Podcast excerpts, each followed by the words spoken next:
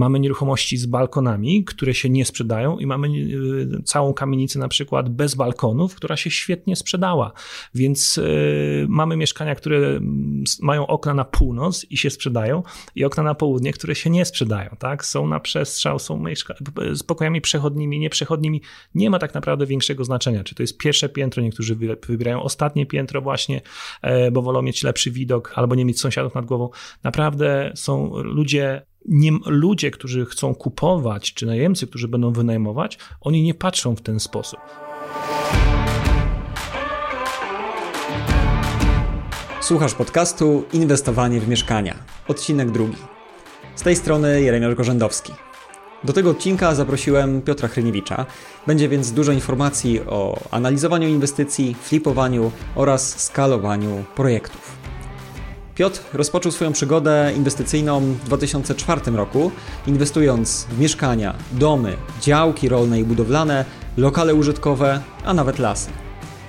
W 2006 roku wprowadził na polski rynek koncepcję wynajmu na pokoje, a w 2009 podnajem.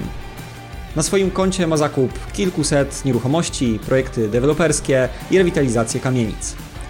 Piotr jest również twórcą projektu Edukacja Inwestowania w Nieruchomości, dzięki któremu inwestorzy mogą rozwijać swój potencjał w branży nieruchomości i osiągać wolność finansową.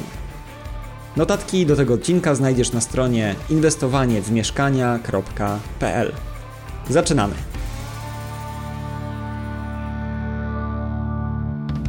Cześć Piotr. Cześć Jeremiasz. Jesteś znany m.in. ze swojego analitycznego podejścia do nieruchomości, a także z rozbudowanych tabelek. Powiedz zatem proszę, jak analizować inwestycje, na co zwrócić uwagę, co jest istotne?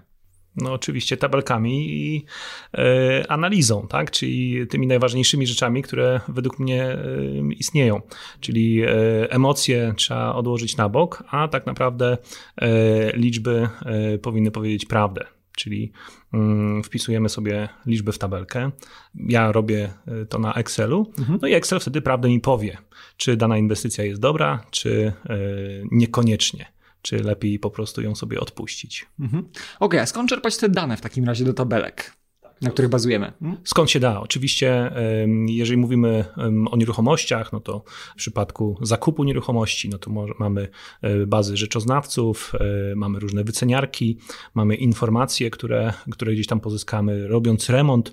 E, oczywiście kontaktujemy się z innymi inwestorami, z, z ekipami, możemy robić przetargi, sprawdzać właśnie w jakich cenach dane remonty można wykonać, meblując dane nieruchomości, wyposażając je, oczywiście sprawdzamy, sprawdzamy aktualne trendy, aktualne cenniki właśnie e, w danych sklepach, w danych e, centrach handlowych, których się zaopatrujemy. Natomiast oczywiście przy sprzedaży, no to e, bazujemy na dwóch najważniejszych elementach. Pierwszy no to jest oczywiście ceny rynkowe, czyli znowu tych rzeczoznawców, ale również też na rentowności, czyli patrząc na mieszkania, które generalnie zawsze się porównuje do innych mieszkań, no to przy mieszkaniach inwestycyjnych często można mm, skorzystać korzystać właśnie z tej rentowności, z tej metody dochodowej, czyli patrząc właśnie, jak mieszkanie może pracować, jaki generować dochód, no i w ten sposób sobie e, określić właśnie, jaką może mieć wartość dane mieszkanie, dana nieruchomość i czy warto właśnie w taką nieruchomość wejść. Mhm.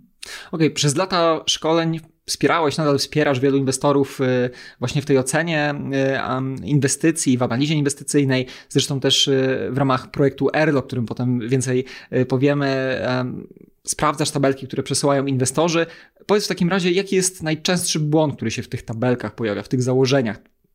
Coś, dzięki czemu będziemy mogli uniknąć właśnie robienia takich błędów.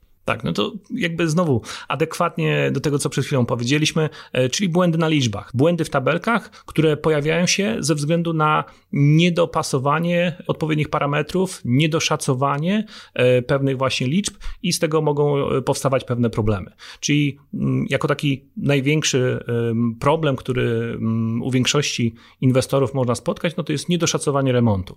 Ponieważ ktoś nam powiedział, że można wykonać remont za 500 zł metra kwadratowego, tak mieszkanie mieszkania, można przyjąć właśnie, że i my taki remont zrobimy. Ale okaże się, że on kupił mieszkanie deweloperskie, już w części wyremontowane i rzeczywiście w tych 500 zł się zmieścił. Natomiast my, e, kupując mieszkanie, które dopiero mamy doprowadzić do stanu deweloperskiego i e, coś z nim zrobić, no to może się okazać, że i 2000 zł na metrze nam może nie wystarczyć. Czyli niedoszacowanie remontu. Niedoszacowanie remontu oczywiście bierze się z tego, że często bierzemy pewne rzeczy z głowy, zakładamy sobie, e, porównujemy sobie do historii innych inwestorów, w jakiej cenie ktoś coś zrobił. A najprościej jest po prostu wziąć ekipę, e, z którą współpracujemy, czy wziąć jakąś ekipę, która wyceni właśnie e, koszt takiego remontu. Określimy sobie wszelkie rzeczy związane z samym remontem, dodamy do tego jeszcze wyposażenie, umeblowanie, no i w tym momencie e, dostajemy jakby pełną, kompletną informację, którą i tak oczywiście możemy jeszcze nie doszacować. Najlepiej jak oczywiście przeszacujemy, będzie bezpieczniej, ale to niedoszacowanie na poziomie 5, 10, 20% jest jak najbardziej tutaj możliwe, szczególnie szczególnie jeżeli mówimy o kamienicach, gdzie tych niespodzianek może być więcej, jeżeli e, kupujemy mieszkanie właśnie w kamienicy. Natomiast no, e, mieszkania deweloperskie czy mieszkania e, w wielkiej płycie, no to tam to niedoszacowanie powin, nie powinno być aż tak duże. Drugim takim aspektem, no to oczywiście niedoszacowane lub można powiedzieć nawet, że przeszacowane tutaj parametry związane z najmem, związane z dochodem danego mieszkania, gdzie wydaje nam się, że oczywiście nie będzie żadnego problemu, że my też wynajmiemy, a nie, okreś- nie nie otrzymamy aż tak dobrej ceny za to mieszkanie przy wynajmie, czy całego mieszkania, czy pokoi, e, czy pokoi premium. No i potem może się okazać właśnie, że ta rentowność nie jest aż tak wysoka, jak powinna być. Mm, niby na początku powinniśmy o tym powiedzieć, ale to już jest taki mniej właśnie istotny, powiedziałbym właśnie, że w trzeciej kolejności, niedoszacowanie e, ceny e, zakupu, czyli mm, niesprawdzenie tego potencjału danego mieszkania, albo właśnie przeszacowanie tego potencjału. Wydaje nam się, że z tym mieszkaniem mieszkaniem będziemy mogli zrobić niestworzone historie, e, podzielić e, mieszkanie na trzy oddzielne mieszkania i sprzedamy je w cenie pojedynczych mieszkań e, i zarobimy kilkaset tysięcy złotych na, tym, na tej transakcji, a nie sprawdziliśmy właśnie, czy można rzeczywiście z tym mieszkaniem coś zrobić, co można zrobić, jak to zrobić, ale pośrednik, który nam to mieszkanie oferował, powiedział nam, że tak, proszę pana, będzie pan zadowolony, wszystko będzie zrobić. No a nie sprawdzając tego, może się okazać właśnie, że jednak źle zostało to skalkulowane, nie ma takiego potencjału mieszkania, nie jesteśmy w stanie wyciągnąć tak dużo, jak zakładaliśmy. No i zakup tego mieszkania e, w cenie rynkowej, powyżej ceny rynkowej, może się okazać po prostu złym e, pomysłem i mm, no, stratą finansową albo po prostu niezarobieniem tak dużych pieniędzy, jakie sobie wyobrażaliśmy. Mhm.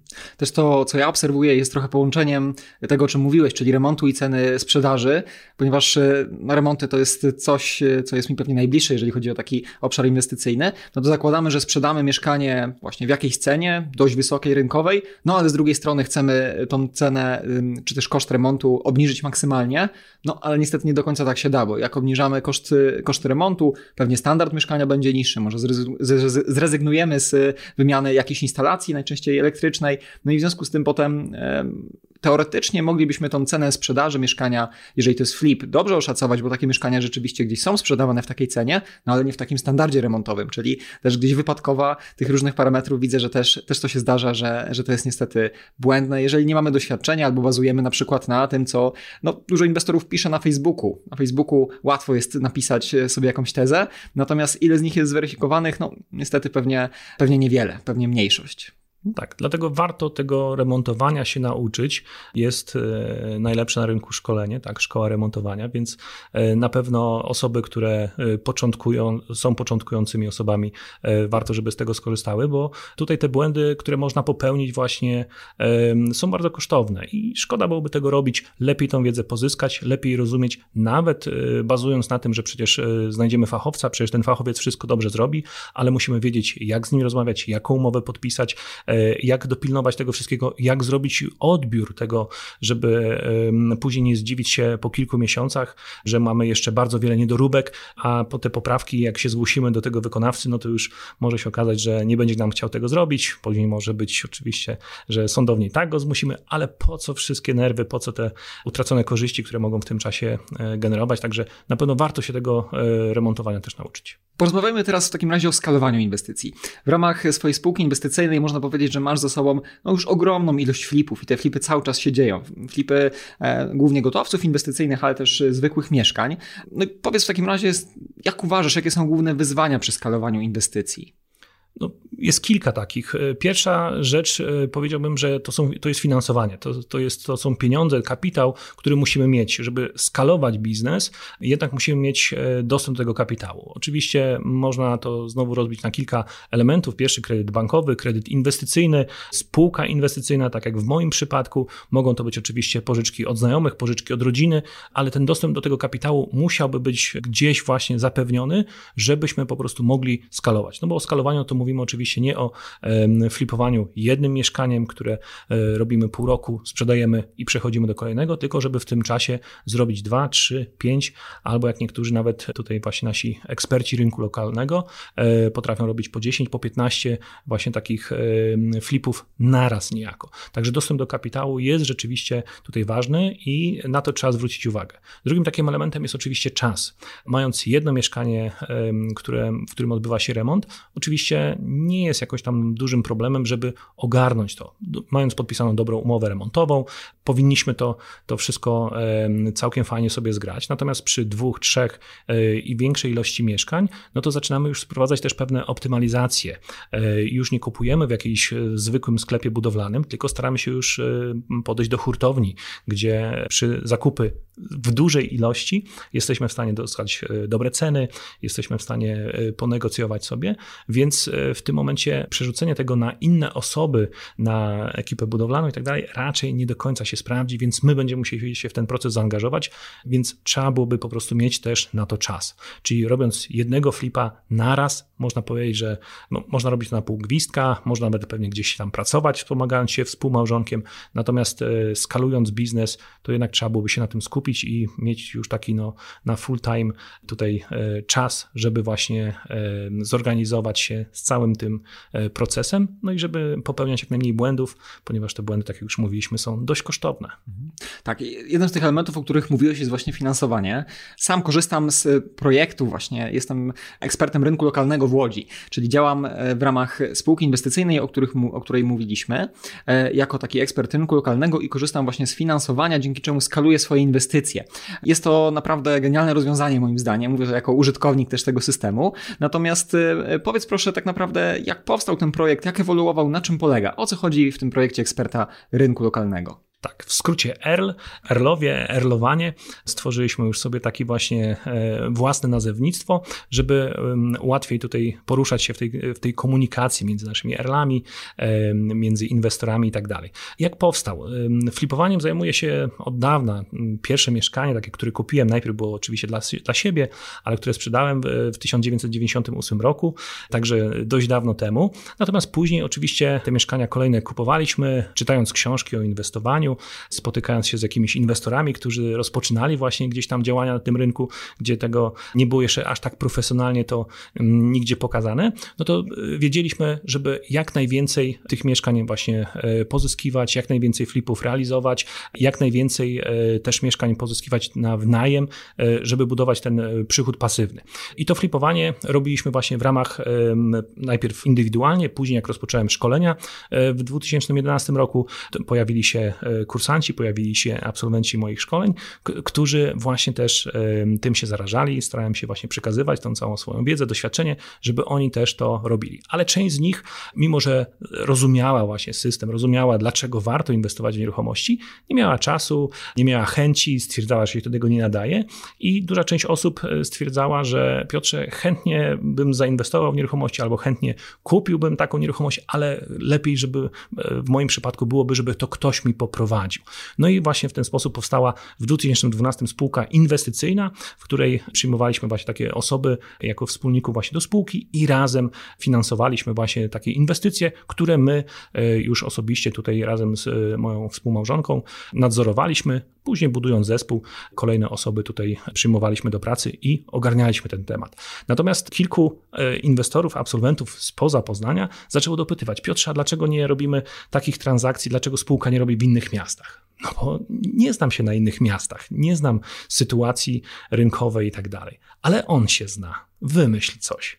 No i stwierdziliśmy, że dobra, no to jak to wymyślić, jak można to pogodzić? No i w ten sposób właśnie powstał projekt eksperta rynku lokalnego, tak go nazwaliśmy, czyli absolwentów moich szkoleń, którzy mieli możliwość e, flipowania, znajdowania takich mieszkań, które nadawały się na wynajem. Często kupowali je, remontowali i odkupowali dla siebie. Dlatego, że w ramach tej właśnie spółki inwestycyjnej takie mieszkanie ekspert rynku lokalnego kupuje do spółki, my te, te pieniądze inwestujemy jako spółka i jej wspólnicy, ale ekspert rynku lokalnego, który nie jest wspólnikiem, nie jest tym kapitałodawcą, tylko jest osobą, która właśnie robi flipa. Czyli robi flipa tak, jakby robił dla siebie flipa, tyle że finansowanie ma zapewnione ze spółki. I dzięki temu może właśnie tych flipów robić więcej, jeżeli by chciał właśnie y, skalować, żeby nie mieć po prostu tego y, największego problemu, moim zdaniem, właśnie, czyli finansowania. Ale ten czas oczywiście musi mieć, żeby chcąc to, chcąc to wszystko pogodzić, żeby cały biznes mógł tutaj fajnie funkcjonować. A więc y, pojawiały się takie osoby, rozpoczęliśmy ten projekt i rzeczywiście on też ewoluował i zaczynał coraz bardziej prężnie działać. W tej chwili można powiedzieć, że z roku na rok coraz prężniej, coraz więcej inwestorów, coraz więcej transakcji E, zaczynaliśmy od mieszkań, a w tej chwili e, finansujemy nie tylko e, zwykłe flipy, flipy dla, mm, na mieszkania, które są dla rodzin, gotowce inwestycyjne, które zawsze były taką formą bezpieczną flipowania, dlatego że jeżeli mówimy o flipowaniu mieszkaniami dla rodzin, no to mieszkanie, które finansujemy, czeka, aż znajdzie swojego nabywcę i nie pracuje. W przypadku gotowców inwestycyjnych e, te mieszkania pracują, a więc e, nie ma jakiegoś dużego ryzyka finansowego, że taka transakcja może wyjść na stracie, jeśli przez długi czas po prostu mieszkanie nie jest sprzedawane. Wiesz, wchodzimy też w całe budynki, w kamienice, robimy w tej chwili już mnóstwo projektów deweloperskich, także ten rynek rozwija się i tak samo projekt eksperta rynku lokalnego też się bardzo prężnie rozwija. No i w ten sposób właśnie można powiedzieć, że flipujemy w całej Polsce, budujemy w całej Polsce, realizujemy tych dużo projektów w całej Polsce. Było kilka pomysłów, żeby wyjść za granicę. Kilka osób właśnie namawiało mnie, e, staraliśmy się tam badać rynki inne, ale stwierdziliśmy, że e, w Polsce jest tak dużo rzeczy do zrobienia. Jeżeli skończą się nieruchomości w Polsce, nie będzie można kupić jakiegoś flipa, nie będzie można nic wybudować, nie będzie można kupić żadnego budynku czy kamienicy, to oczywiście wyjdziemy na zewnątrz, ale na tą chwilę raczej nie ma sensu. Tutaj też jest dobry rynek. Mhm. No właśnie, pomówmy chwilę o gotowcach inwestycyjnych. Wspomniałeś to słowo, powiedziałeś pokrótce, co to jest.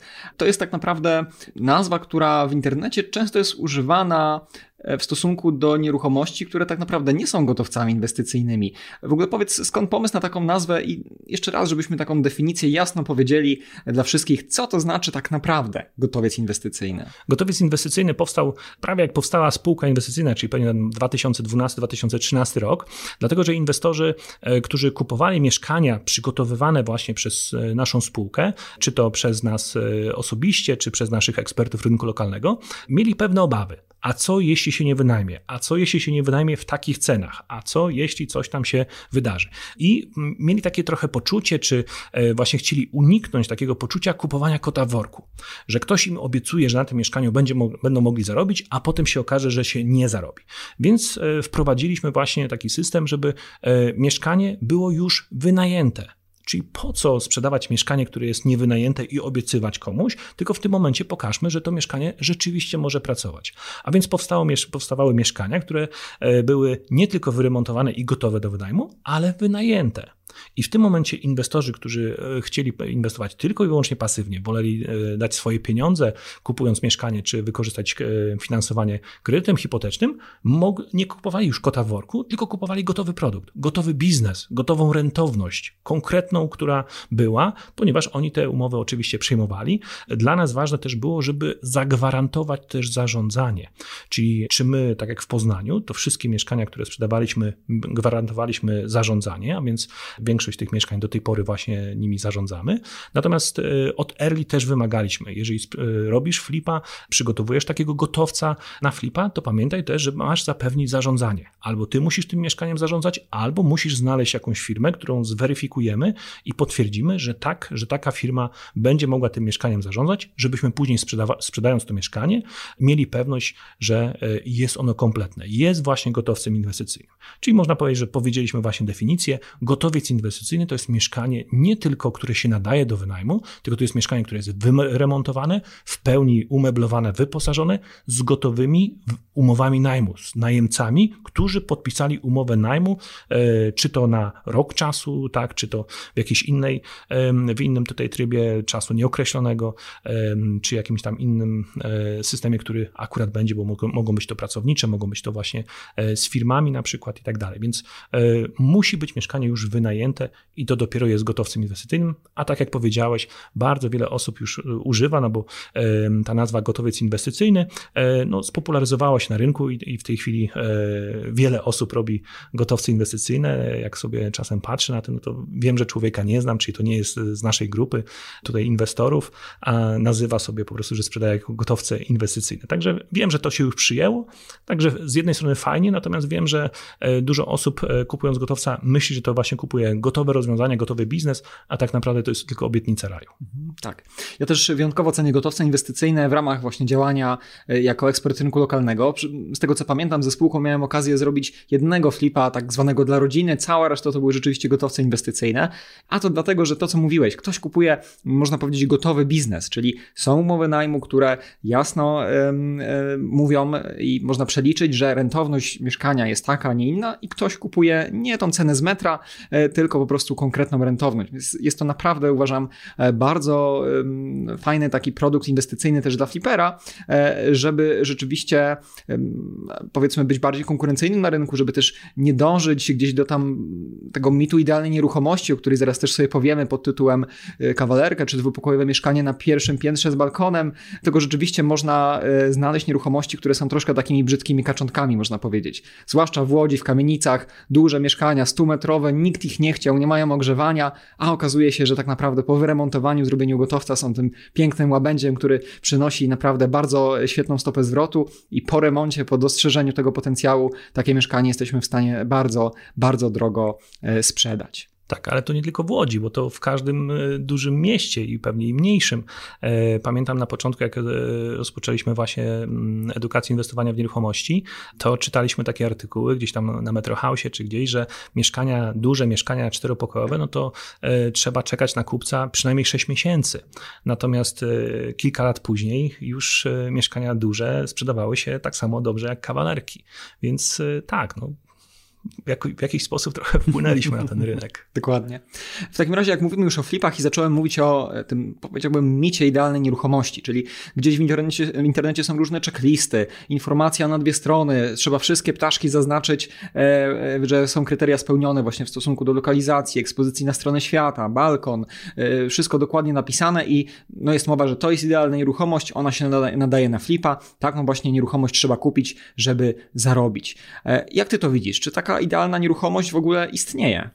Być może. Ja jej też nie widziałem. Być może to jest tak jak z Yeti, e, że dużo osób o, tej, o, tym mówi, ale nikt tego nie widział. Taki mit powstaje dlatego, że ludzie potrzebują jakiegoś rozwiązania, potrzebują gotowego, gotowej recepty, tak? Potrzebują konkretnych rzeczy, które, które będą spisane i stąd właśnie powstaje taki właśnie e, mit e, idealnej nieruchomości. Natomiast flipując właśnie tak dużą ilością nieruchomości na przestrzeni tak dużego czasu, ja widzę, że nieruchomości sprzedają się najróżniejsze. Ma mamy nieruchomości z balkonami, które się nie sprzedają i mamy y, całą kamienicę na przykład bez balkonów, która się świetnie sprzedała. Więc y, mamy mieszkania, które mają okna na północ i się sprzedają i okna na południe, które się nie sprzedają, tak? Są na przestrzał, są z pokojami przechodnimi, nieprzechodnimi. Nie ma tak naprawdę większego znaczenia, czy to jest pierwsze piętro, niektórzy wybierają ostatnie piętro właśnie, e, bo wolą mieć lepszy widok albo nie mieć sąsiadów nad głową. Naprawdę są ludzie nie, ludzie, którzy chcą kupować, czy najemcy, którzy będą wynajmować, oni nie patrzą w ten sposób. To bardzo często jest właśnie domena tego inwestora, tego flipera, który on uważa właśnie, że ma ten, no, trochę tak prześmiewczo może zabrzmi, ale że ma ten monopol na rację, że on uważa, że e, wszyscy ludzie w Polsce, czy w danym mieście właśnie chcą mieć konkretną taką nieruchomość, bo wszyscy tak, takie nieruchomości chcą. Natomiast potem okazuje się, że nie do końca, że ludzie chcą, e, chcą czegoś innego, coś zupełnie odmiennego, bo podoba im się układ mieszkania, bo podoba im się lokalizacja, bo podoba im się możliwość e, zaparkowania, e, bo podoba im się sąsiedztwo, bo podoba im się mnóstwo innych różnych rzeczy, które nie będą ściśle związane z mieszkaniem e, i taka, taka, takie mieszkanie nie będzie aż tak idealne. Także mm, no oczywiście, że szukajmy tych, tych mieszkań. Dla mnie takim moim mitem właśnie nieruchomości idealnej, no to będzie nieruchomość, która będzie miała potencjał. Dla mnie to jest po prostu coś, co jest idealnym właśnie mieszkaniem, które będzie, będę zainteresowany, czyli potencjał. Czyli ono może wisieć na rynku już pół roku czy rok czasu, właściwie może mieć problem ze sprzedażą, ale ja widzę ten potencjał. Widzę, że można z tego mieszkania zrobić coś naprawdę fajnego. Czy poprzez aranżację, czy poprzez, poprzez podział, czy poprzez jakieś, jakąś przebudowę niewielką, czy poprzez wydzielenie, czy poprzez wyczyszczenie księgi wieczystej, tak? pozbycie się jakichś problemów prawnych. Coś, co do tej pory nikt nie chciał e, takim tematem się zająć właśnie, no to tak, takimi tematami e, inwestorzy powinni się zajmować. Oczywiście nie wszyscy, no bo to nie starczy nam wszystkim miejsca, więc niech część osób zajmuje się tymi mitycznymi nieruchomościami, a e, tutaj naszym słuchaczom, no to jednak mimo wszystko zalecałbym poszukiwanie nieruchomości, które mają największy potencjał, bo można będzie kupić mieszkanie w cenie rynkowej, czy nawet powyżej ceny rynkowej i tak się na niej naprawdę bardzo przyzwoite pieniądze zarobi. Także mamy mnóstwo takich przykładów, gdzie ludzie kupują w normalnych cenach y, mieszkania i zarabiają po kilkadziesiąt, po sto tysięcy na mieszkaniu, na flipie, na po prostu mieszkaniu. I to się dzieje, działo się w 2019, tak samo w 2020 roku, także to nie jest tak, że a w 2005 e, czy, czy w 68 to można było takie deal robić. Nie, to, to robi się non-stop.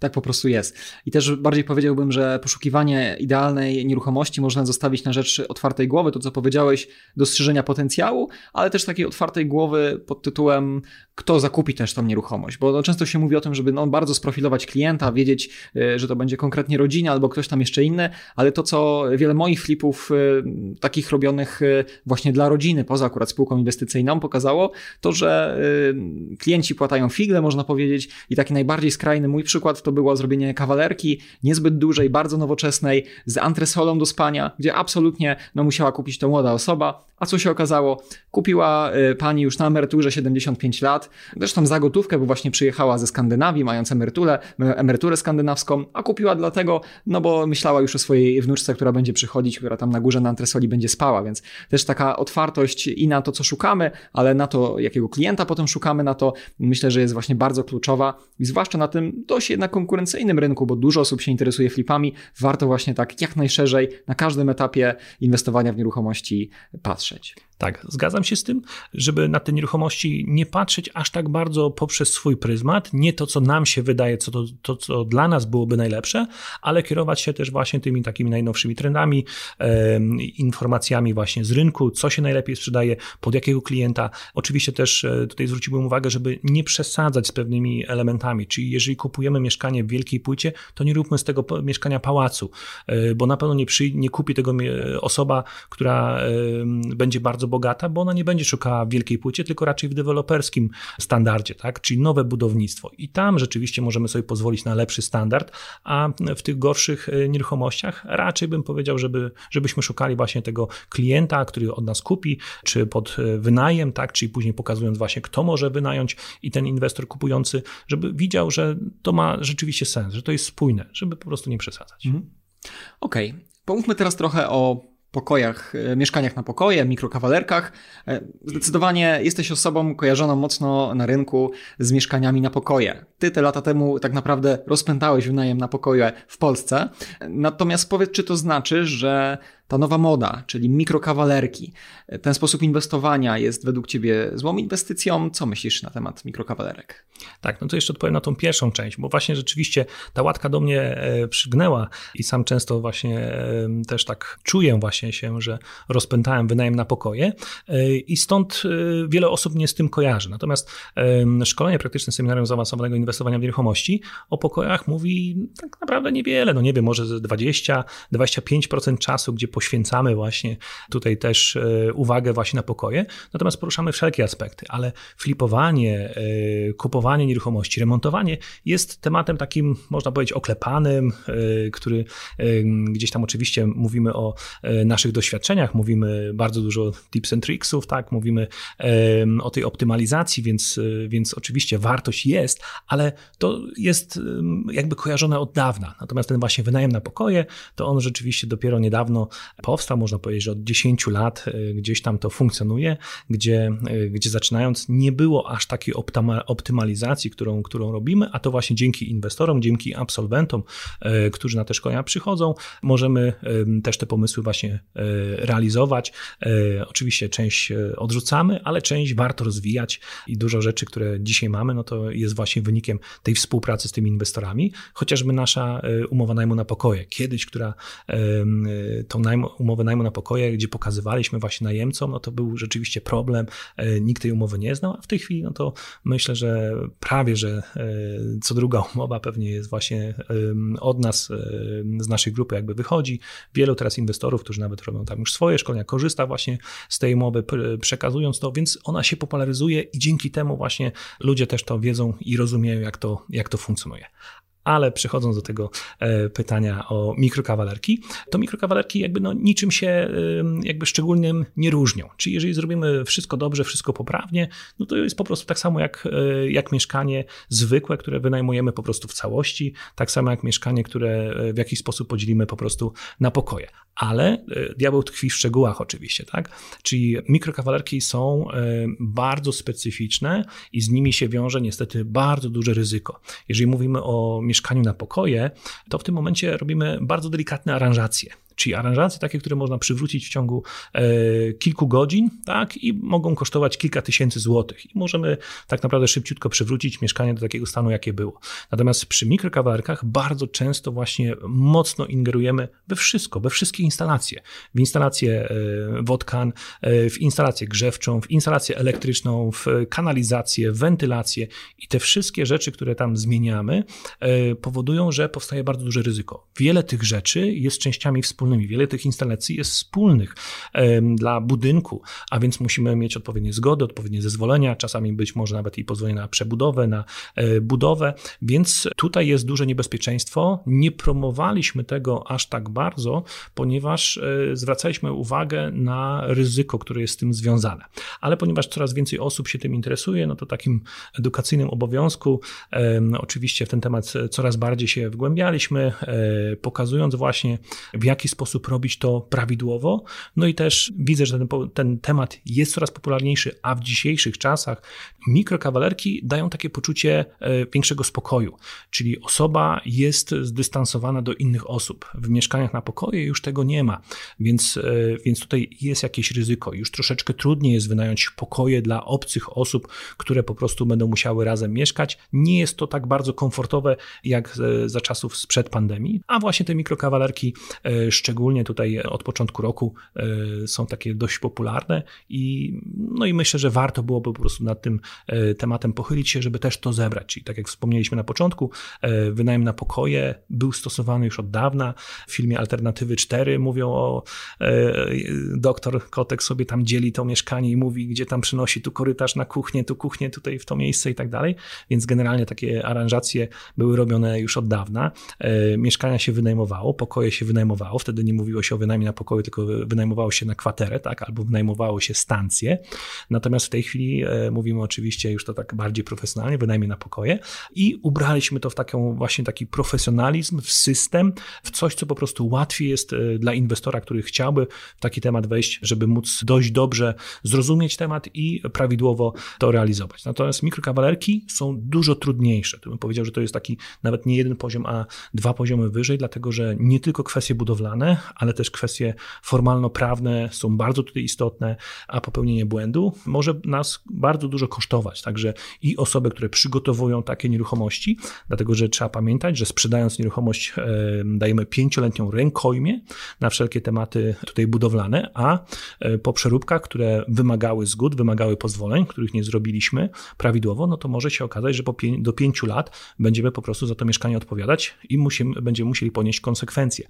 Ale również również dla inwestora, czyli inwestor, który kupuje w dobrej wierze, mówi kupuję właśnie mieszkanie czy budynek z mikrokawalerkami, jak to fajnie pracuje i tak dalej. I trzeba trzymać kciuki, że właśnie, żeby żaden PIN, by żaden nadzór budowlany po prostu nie przyszedł, nie zaczął sprawdzać, tak? Czyli trzeba dobrze żyć z sąsiadami, dobrze żyć ze spółdzielnią czy wspólnotą właśnie, żeby nikt na nas nie doniósł, no bo później bardzo często właśnie wychodzi, że ta walka z PINB-em, a niestety pamiętajmy, że PINB to nie jest grupa inwestorów, to są po prostu urzędnicy, a więc wytłumaczyć im, co my robimy za biznes, że to tak naprawdę nikomu źle nie zrobiliśmy, no to niestety jest dość trudne, bazują na przepisach, bazują na aktualnym prawie budowlanym, no i trzeba się niestety tego trzymać. Stety i niestety, dlatego że chcielibyśmy, żeby to było wszystko prawidłowo wykonane, żeby nie było żadnego zagrożenia zdrowia, pomijając, no bo tam życia, żadnego e, zagrożenia generalnie nie będzie, ale żeby nie było zagrożenia zdrowia właśnie z tym, że e, źle zostało coś wykonane, właśnie nie ma wentylacji, czy może być jakieś inne, inne związane z tym problemy. Tak, też z mojej perspektywy właśnie remontowej, e, tak myślę sobie, że nawet to nie jest tak, że brak wiedzy jeżeli chodzi o mikrokawalerki, jest problemem, tylko mikrokawalerki są tak modne, że tej wiedzy w internecie jest bardzo dużo, tylko ta wiedza jest niestety niezweryfikowana i wprowadza w błąd. Czyli to jest jeszcze nawet coś gorszego, bo inwestorzy myślą, że wiedzą, a niestety wiedzą źle. Tak? Czyli chodzi mi właśnie głównie o tematy związane z wentylacją, czy z takie mity, które się powtarza, że aneks kuchenny, jeżeli nie ma kuchenki gazowej, to już okno wystarczy za wentylację i tak dalej, i tak dalej. Czyli tej wiedzy złej, nieprawidłowej jest bardzo dużo na grupach na Facebooku, gdzieś też y, w e, innych mediach internetowych się to pojawia. No i inwestorzy takie mity niestety powtarzają, a to, co powiedziałeś, no, zmiany przy mieszkaniu na pokoje, przywrócenie tych zmian remontowych jest dość proste, nie tak bardzo kosztowne. No przy mikrokawalerkach raz, że sam remont jest dużo droższy niż innych rodzajów inwestycji, no to potem przywrócenie też, więc jak dodamy te wszystkie koszty, no to naprawdę możemy no takie finansowe, powiedzmy dość bolesne ryzyko mieć tego, że będziemy tą, te pieniądze musieli wydać właśnie na, na walkę potem z pinbem, na, na przywracanie. OK, a powiedz dla odmiany, co z rynkiem pierwotnym? Co uważasz na temat flipów na rynku pierwotnym? Tak, pytanie, jak traktujemy flipy na rynku pierwotnym? Bo możemy oczywiście mówić o tak zwanym cesjoflipowaniu, czyli kupujemy mieszkanie, podpisujemy umowę na wybudowanie danego mieszkania i staramy się znaleźć klienta, zanim jeszcze e, to mieszkanie zostanie oddane do użytku, założona księga wieczysta i będziemy mogli formalnie je sprzedać. Tylko po prostu staramy się sprzedać tą umowę właśnie. Czyli to cesjoflipowanie oczywiście jest e, na to rynek, są ludzie, którzy, którzy to robią.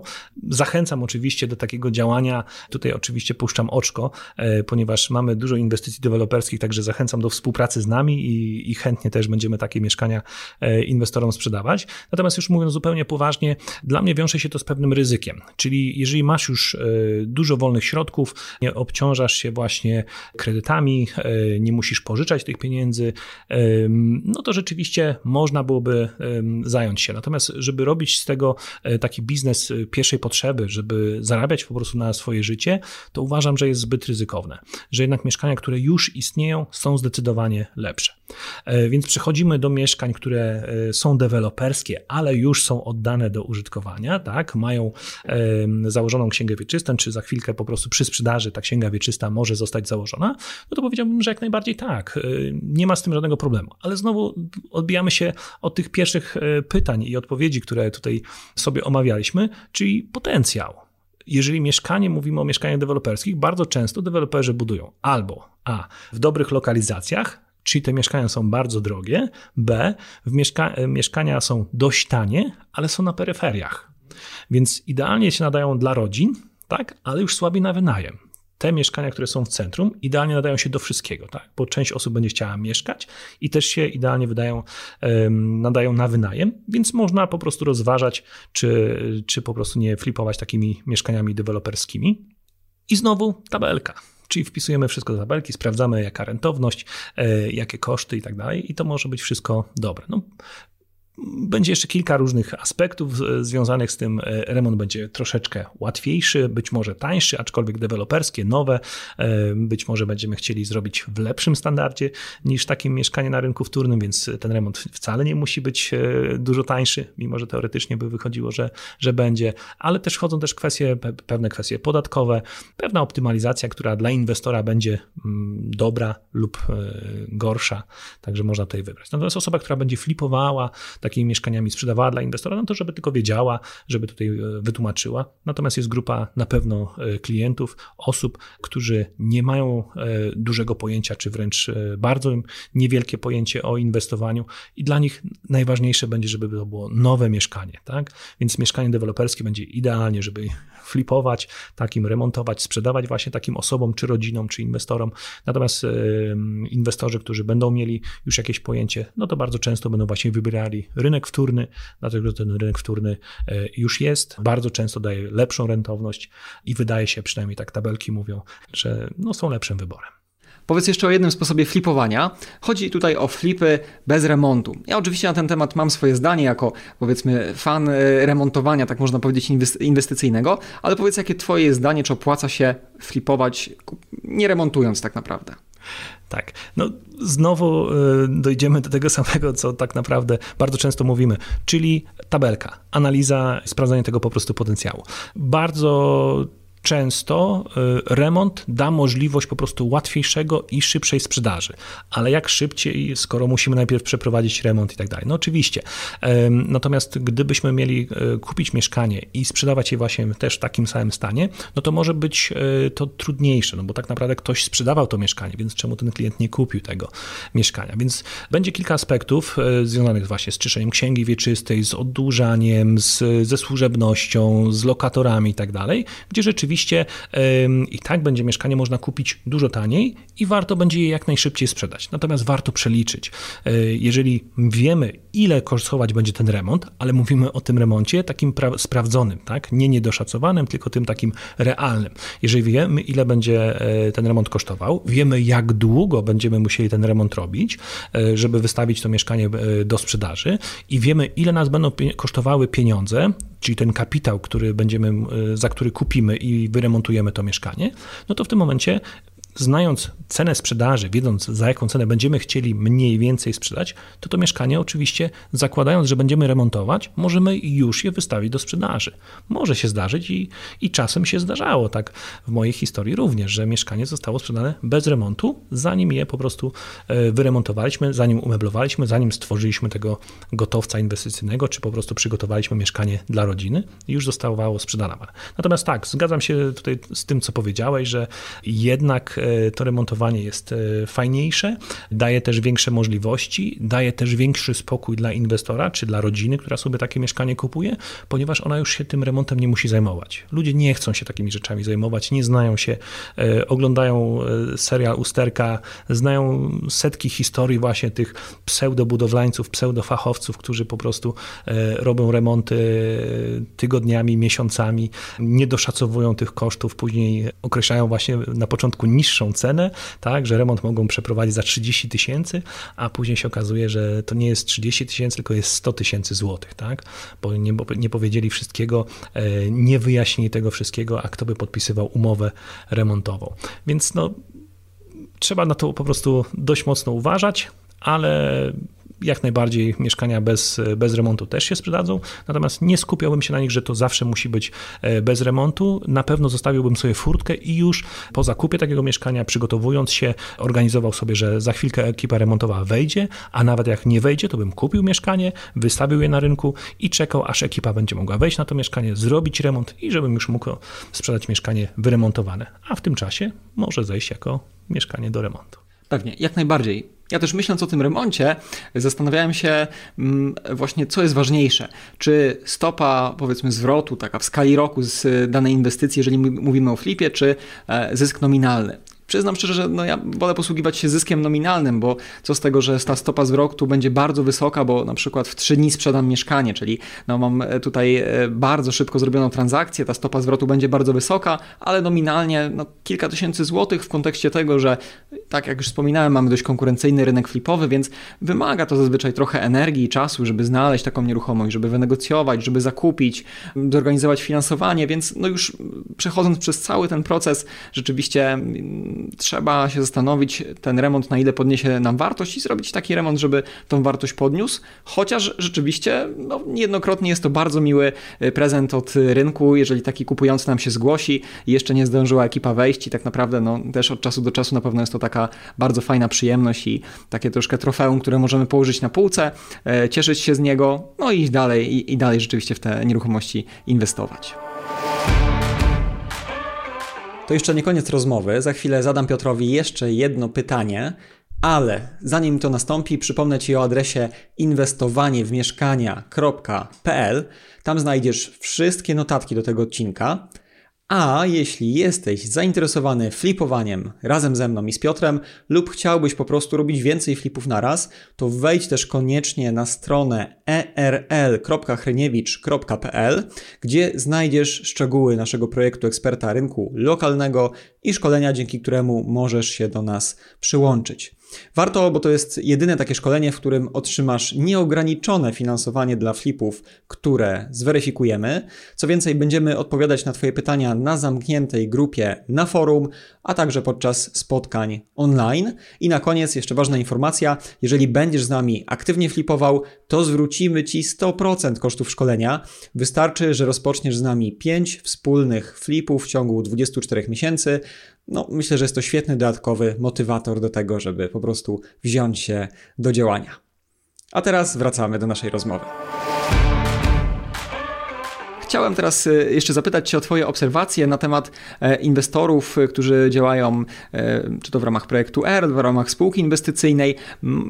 Obserwujesz wiele osób, które zaczynały może przy pojedynczych tylko flipach, potem może wybierały jakieś inne rodzaje inwestowania nieruchomości. Według Ciebie, jakie etapy następują u takiego inwestora, który zaczyna może od jakiegoś pojedynczego flipa? Co dalej? Co jest kolejnymi etapami rozwoju? Tak, no jest kilka, e, kilka dróg, które e, ludzie wybierają, e, bo mogą wybrać najróżniejsze oczywiście, ale tak jak patrzę, obserwuję, no to jest, są różne drogi. Pierwsza to jest taka, zrobiłem pierwszego flipa, namęczyłem się, miałem zrobić to w trzy miesiące, zrobiłem to w półtorej roku. Uważam, że to jest najgorszy biznes na świecie, nie nadaje się do tego i w tym momencie już taki flipper często nie wraca, tak? bo jednak nie wiedział, że trzeba będzie się tym zajmować, nie wiedział, jak do tego podejść, nie miał czasu, nie chciał się tym zajmować i, i po prostu widać, że, że tak naprawdę brakowało serca do tego, czyli był bardzo słomiany zapał. Druga grupa to, to są osoby, które regularnie sobie robią, ale robią to w sposób, można powiedzieć, taki dorywczy, part-time, czyli mają jakiś albo biznes, albo zajmują się czymś innym, albo generalnie jakby nieruchomościami, ale mają e, czy podnajmy, czy zarządzanie, czy jakieś inne dodatkowe biznesy i przy okazji robią sobie jeszcze e, dodatkowo flipy i te flipy robią raz w roku, kilka razy w roku, co jakiś czas e, sobie robią jakąś przerwę, później znowu wracają i znowu kilka transakcji, więc to jest po prostu taki dodatkowy czas, który poświęcają sobie na flipowanie.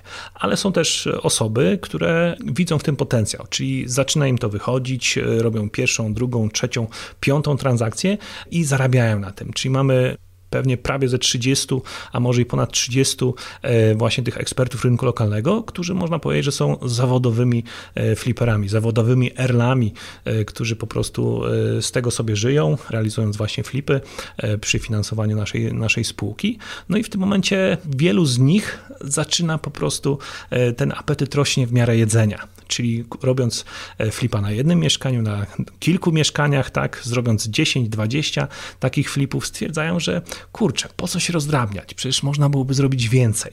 I część z nich przechodzi na przykład w budynki, w kamienice, część z nich zaczyna zajmować się projektami deweloperskimi, a więc e, zaczynają budować skalę nie tylko ilościową związaną z mieszkaniami, ale też wchodzą w dużo grubsze tematy. I również tutaj ich e, wspieramy, także kupowanie mieszkań za 200, 500 czy 900 tysięcy nie jest oczywiście e, dla naszej spółki problemem, ale również kupowanie kamienic za 3, 5 5 e, czy 7 milionów i tak samo projekty deweloperskie, w które wkładamy e, nawet tam po 10 milionów złotych, też nie są, nie są jakoś tam strasznie dla nas e, tutaj niezwykłe. Oczywiście analiza, oczywiście tabelki, oczywiście przygotowanie umowy, zabezpieczenia, to wszystko musi oczywiście być, ale nie ma tutaj żadnego problemu, także to Erlowie właśnie też powodują ewolucję tego naszego projektu.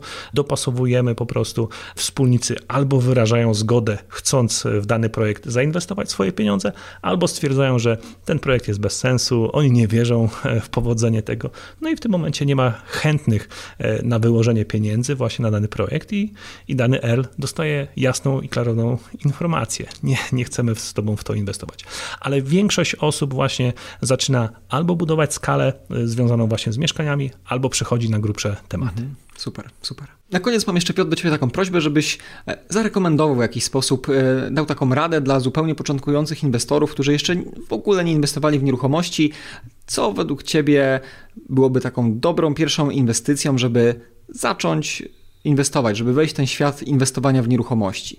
Czy jakiś flip, czy poszukiwanie mieszkania dla siebie, podnajem, jeszcze coś innego? Co jest dobre na początek? To zależy od tej osoby. Zależy skąd ta osoba będzie. Czy to będzie osoba z Warszawy, czy będzie z jakiejś tam koziej wólki, tak? Więc y, tutaj będzie naprawdę, trzeba popatrzeć przez pryzmat tego inwestora. Czy on będzie w stanie przeprowadzić się y, w inną lokalizację, żeby właśnie móc zająć się nieruchomościami, czy koniecznie będzie chciał się skupić na tej y, swojej miejscowości ile ma tego kapitału, czy y, ma zdolność kredytową, czy ma mm, współmałżonka, z którym będzie mógł współpracować, czy będzie musiał budować zespół i ponosić jakieś tam dodatkowe koszty.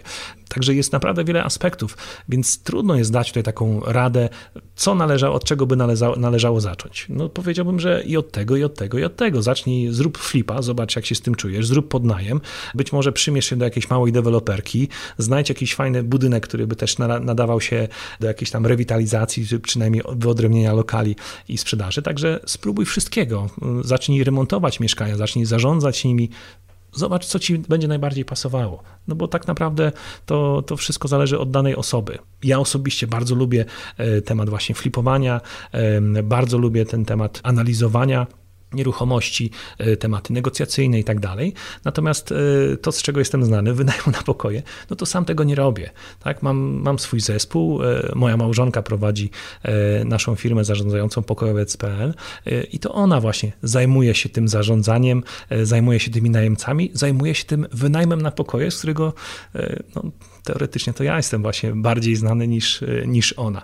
A, a ja rzeczywiście najwięcej czasu poświęcam spółce inwestycyjnym, poświęcam tym flipom, poświęcam projektom deweloperskim i tak dalej, więc no, każdy musi znaleźć swoją drogę, sprawdzić, zobaczyć, co mu najbardziej pasuje i dopiero wtedy podjąć decyzję. Także uważam, że tutaj można zająć się wszystkim, może niekoniecznie tak od razu naraz, ale po kolei i, i sprawdzając, co mi przypasuje. To, co ci przypasuje, zajmij się z tym już wtedy na pełny czas.